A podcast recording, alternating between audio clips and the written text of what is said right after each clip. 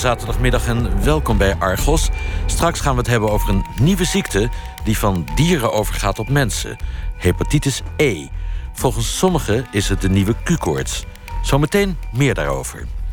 Maar eerst nieuws over de CASA-klinieken, de abortusklinieken die in financiële moeilijkheden verkeren. Jeffrey Stevens van de site Follow the Money en Argos-redacteur Mout van der Rijt doen gezamenlijk onderzoek naar CASA en zijn hier om ons bij te praten. Welkom. Jullie waren hier drie weken geleden ook om te berichten over de problemen in de abortuszorg.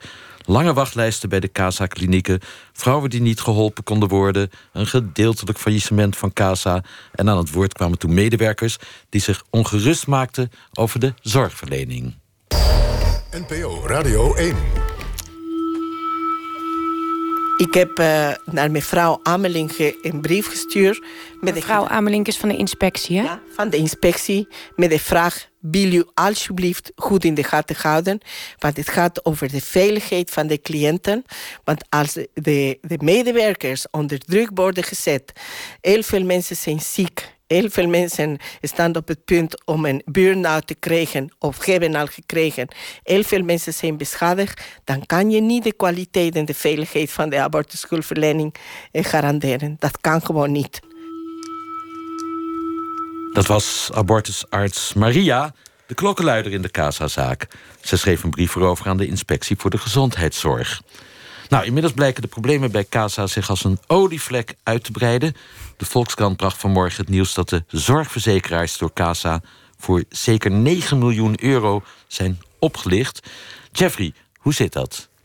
Ja, dat klopt. De Volkskrant eh, kwam vanochtend met een grote onthulling over de vermeende declaratiefraude bij de Casa abortusklinieken. Om uh, precies te zijn zou het gaan om een uh, bedrag van 8,8 miljoen euro dat ten onrechte gedeclareerd is door Casa Medical. Dat is de medisch specialistische tak van de uh, Casa Abortus uh, Wat deden die precies, het Casa Medical? Uh, nou, die voerden bijvoorbeeld allerlei medisch specialistische handelingen uit... zoals, zoals het plaatsen van, van spiraaltjes. Um, ze declareerden medisch specialistische zorg... maar nu blijkt dat er geen medisch specialisten aanwezig waren. Wie deden dat dan?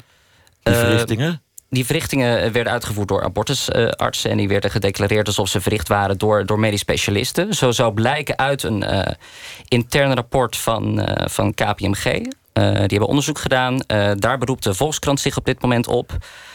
zij berichten ook over een deal met de Star Laboratoria in, in Rotterdam. Ehm, die verrichten allerlei gynaecologische onderzoeken... Maar uh, die onderzoeken declareerden zij niet zelf. Dat uh, deden de CASA-klinieken, zodat ze uh, een hoger tarief konden opstrijken. En de opbrengst daarvan zijn dus tussen deze twee organisaties verdeeld. Een soort kartelvorming eigenlijk. Ja, zo zou je het, zo zou je het kunnen noemen. En wie was daarvoor verantwoordelijk, Jeffrey? Um, de oud-bestuurder Bert van Herk wordt op dit moment aangewezen als de verantwoordelijke. Hij zat daar tussen 2001 en uh, medio 2015.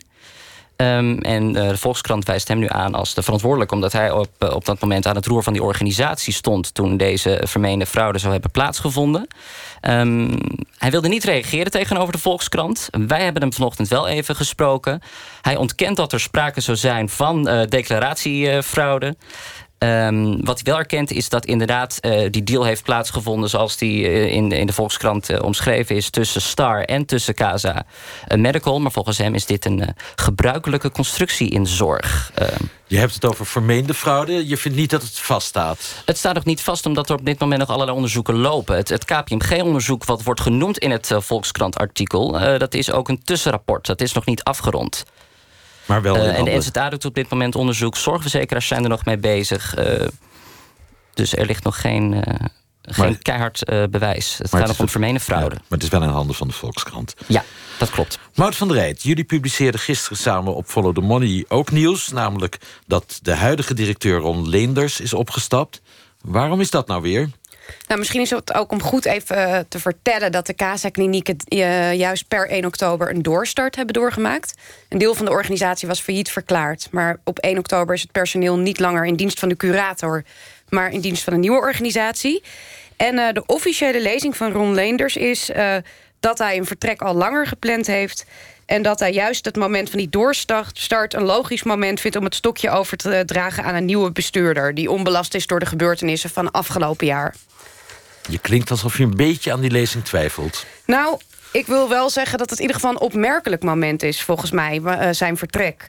nou, Casa die verkeert in zwaar weer. Ehm, het laatste nieuws dat wij hebben is dat sinds deze week de CASA-klinieken onder verscherpt toezicht zijn geplaatst... Van, door de inspectie van de gezondheidszorg. En uh, nou, wij hadden ook eigenlijk deze week een interviewafspraak met hem gepland staan.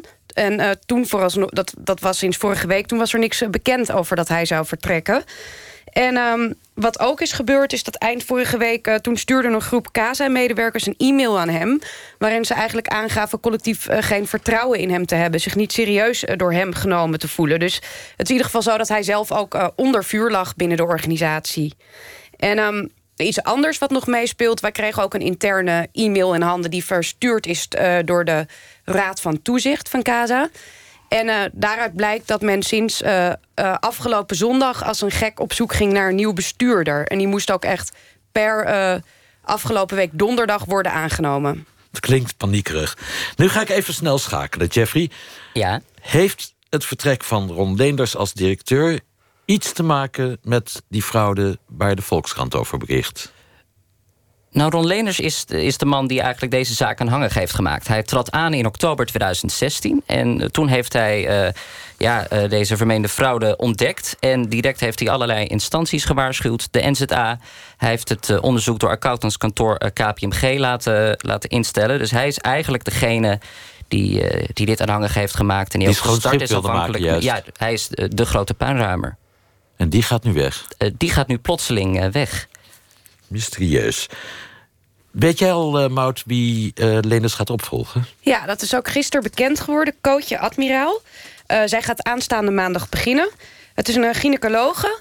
En ook iemand met ja, ervaring als bestuurder. En ze krijgt een zware taak te verduren. Lijkt, lijkt me. Lijkt me geen eenvoudige nee. Nee. Wij nee. wensen haar sterkte. Ja. Uh, Maud, ik ga even door met jou. Want toen jullie hier drie weken geleden samen waren... ging het eigenlijk over de, ja, de hiaten, de gaten die waren gevallen... in de zorgverlening. Klopt. Uh, wat is de laatste stand van zaken wat dat betreft? Nou, um, dat is er eerlijk gezegd ook helaas niet beter op geworden. Wij uh, berichten vorige keer al dat voor de zogenoemde late abortussen... dus dat zijn abortussen die tussen de 18 en 22 weken plaatsvinden... dat er bij CASA geen artsen meer beschikbaar waren om die uit te voeren. Uh, die zijn er nog steeds niet. Die gaan ook niet terugkomen. En uh, nu het nieuwste, de nieuwste ontwikkeling is eigenlijk dat de zogenoemde uh, de 2A-abortussen, de abortussen van 13 tot 18 weken, daar is er op dit moment nog maar 20% capaciteit van bij CASA. Dus nou ja, ook daar loopt de wachttijd op en moeten andere klinieken dat overnemen. Um, dus ja, die problemen zijn eigenlijk ernstiger geworden. Dan drie weken geleden. Ja. Um, ik zei het in het begin al, het uh, schandaal, de affaire breidt zich als een soort olievlek uh, uit. Uh, Jeffrey, wat kunnen we nog meer verwachten eigenlijk aan rapporten en, ja. en nieuwtjes en, en mensen die opstappen? Ja, er is inderdaad nog veel onduidelijk. Um, de Volkskrant heeft het inderdaad uh, over het rapport van KPMG... maar het is dus een tussenrapport. Het onderzoek ja. van KPMG is uh, nog niet afgerond. En dat gaan ze ook niet afronden. Omdat deze week bekend werd dat uh, het onderzoek is opgeschort. Oh, uh, de curator, dat werd bekendgemaakt door de curator onder andere. Uh, die curator uh, gaat zelf ook nog het een en ander aan onderzoek uh, verrichten. Die kwam deze week ook naar buiten met een tussenrapport. En hij vermijdt expliciet de term fraude. Hij gaat op dit moment nog uit van onrechtmatigheden. En dat is toch even een, een definitieverschil. opvallend is ook dat de NZA ook nog intern bezig is. Met, ja, de Nederlandse Zorgautoriteit is op dit moment ook nog bezig met een onderzoek. En nou, die zullen zeker ook nog wel met een interessante rapport op te proppen komen, zeer binnenkort. Mout van der Rijt, nou, het ontbreekt dus niet aan instanties die het onderzoeken. Uh, wat gaan jullie zelf er nog aan doen? Nou, het ontbreekt ook niet aan journalisten die het onderzoeken. wij, uh, wij gaan zelf uh, verder hiermee. We hebben ook komende week weer het een en ander gepland staan om uit te zoeken. En wie weet wat er nog meer komt bij de Volkskrant en andere collega's. Ja. Wij wachten het met spanning af. We komen zeker bij je terug. Graag. Jeffrey Stevens van Van der Money en Mout van der Rijt van Argos. Bedankt. NPO Radio 1.